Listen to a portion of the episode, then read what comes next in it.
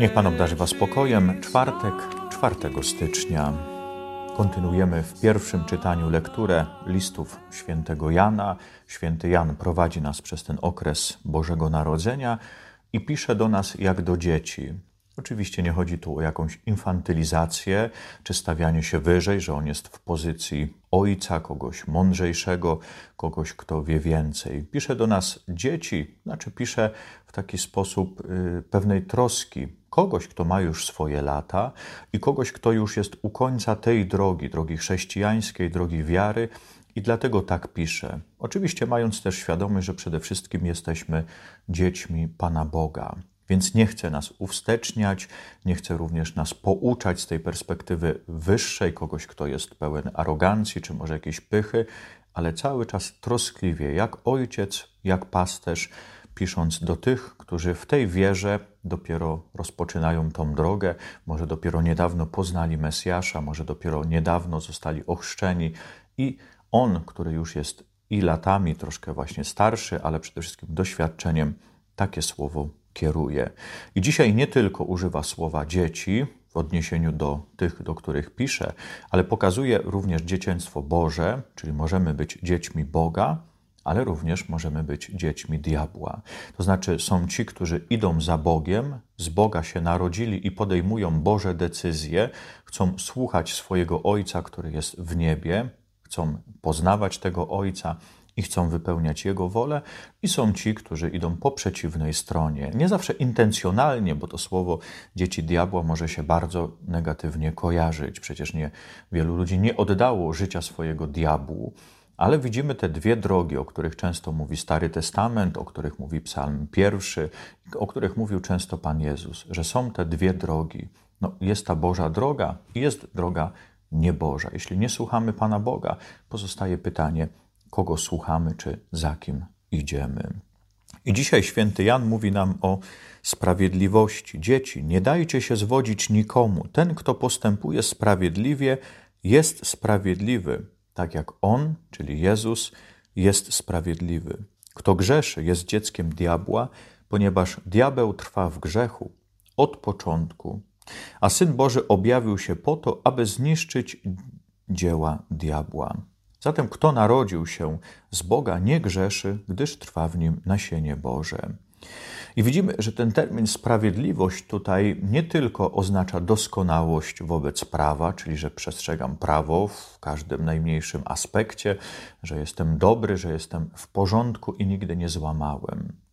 Tu mamy tą świadomość tego, co mówił Chrystus, pokazując prawo, tego, co mówi potem święty Paweł w swoich listach, że ta sprawiedliwość nie polega na byciu idealnym i doskonałym i perfekcyjnym, ale ta sprawiedliwość nasza polega też na tym, że umiem się przyznać do błędu, umiem się przyznać do grzechu, że sprawiedliwość to nie tylko prawo, ale przede wszystkim to prawda.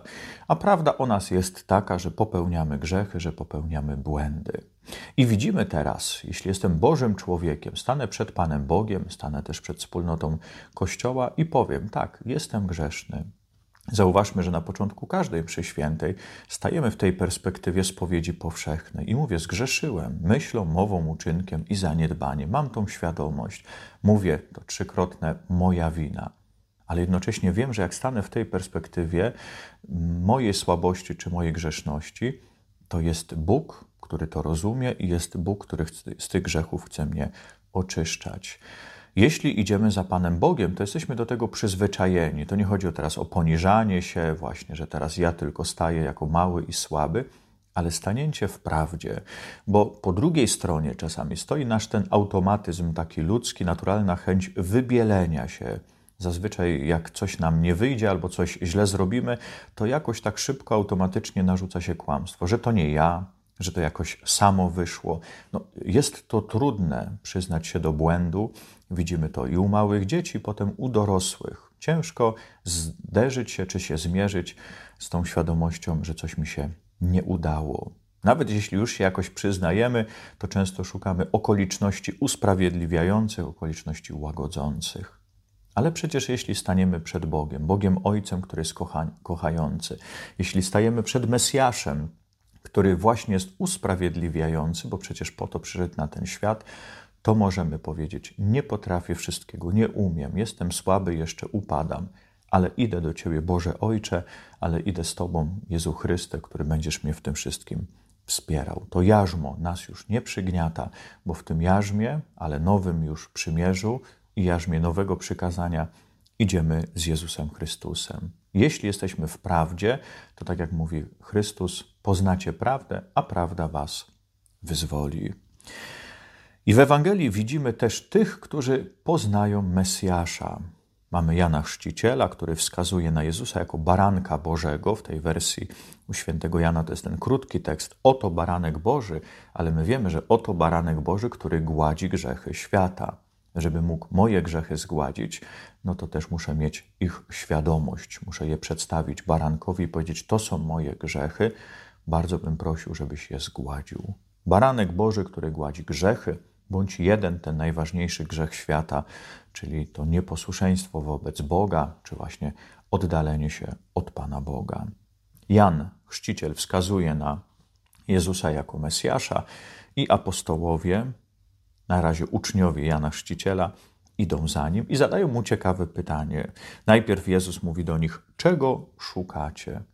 No, bardzo ważne, byśmy powiedzieli, egzystencjalne pytanie. No, czego szukamy? Dlaczego idziemy za Jezusem Chrystusem? Czy szukamy bezpieczeństwa, czy może jakiegoś właśnie dobrostanu, że chcielibyśmy się dobrze czuć przy Panu Jezusie, może łatwiejszego życia, czy spełnienia różnych marzeń? Rozpoczyna się nowy rok, więc mamy wiele życzeń co do tego roku. Dlatego Jezus pyta, czego szukacie? Tak jakby chciał poznać nasze intencje, ale jednocześnie chciał, żebyśmy my te intencje poznali, bo potem możemy być rozczarowani. Ja przyszedłem do Jezusa i liczyłem na to, i wcale tego nie ma. Co mówią ci uczniowie? Pytają, gdzie mieszkasz? Bardzo ciekawe pytanie. Czy chcą go odwiedzić w domu, czy chcą pójść do domu do Nazaretu, czy może właśnie już do Kafarnał, bo Pan, Jezus będzie również dużo przebywał w domu w Kafarnał. Czy chodzi im o mieszkanie, czy chodzi o coś więcej? Ale w tym pytaniu jest ukryta chęć wejścia w relacje, bo wejście w czyjś dom to jest wejście w relacje. No, zapraszamy ludzi, których chcemy zaprosić, raczej tam jakichś akwizytorów czy kogoś, kto tak przypadkowo przechodzi koło naszego mieszkania, nie wpuszczamy, mamy jakąś ostrożność. Ale gości, ale przyjaciół, ale osoby dla nas ważne do domu zapraszamy, a jak już zaprosimy do domu, to znaczy, że nawiązujemy jakąś relację. Oni chcą wejść w relację z Jezusem. Jezus mówi: chodźcie i zobaczycie i coś im pokazał, tak mocnego, tak ważnego, tak istotnego, że nawet święty Jan zapamiętał, która była godzina. On nie miał zegarka na ręce, nie miał również zegarka w telefonie. Skąd wiedział, która jest godzina i dlaczego po wielu latach, pisząc Ewangelię, on cały czas pamięta i mówi: Było to około godziny dziesiątej, bo to było kluczowe wydarzenie z jego życia, spotkanie Mesjasza, które odmieniło wszystko, odmieniło kierunek i bieg jego życia i poprowadziło go do życia wiecznego. Owszem, tam się pojawiają też trudności, o czym wiemy. Jan jest pod krzyżem, potem ten Jan jest zesłany na, na wyspę Patmos z powodu właśnie prześladowań, ale pamięta to wydarzenie. Dlatego, że Chrystus pokazał im, czy pokazał im swoje mieszkanie, czy może opowiedział o niebie, które jest prawdziwym mieszkaniem, do którego nas zaprasza, czy opowiedział o Królestwie Niebieskim. Ale tak powiedział, że zapamiętali, która była godzina więcej, tak im powiedział, że zostali. Właśnie oni są tymi dziećmi, którzy chcą być w domu Boga Ojca, szukają tego domu, potrzebują.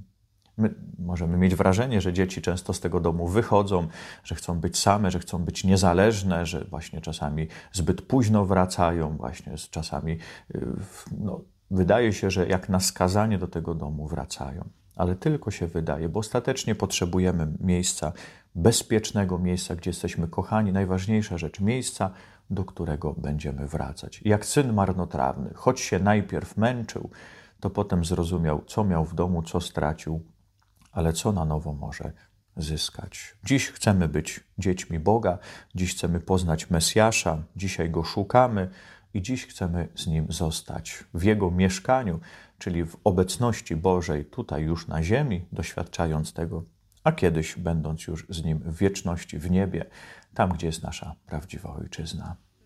Pan z wami, niech was błogosławi Bóg wszechmogący, Ojciec i Syn i Duch Święty. Amen.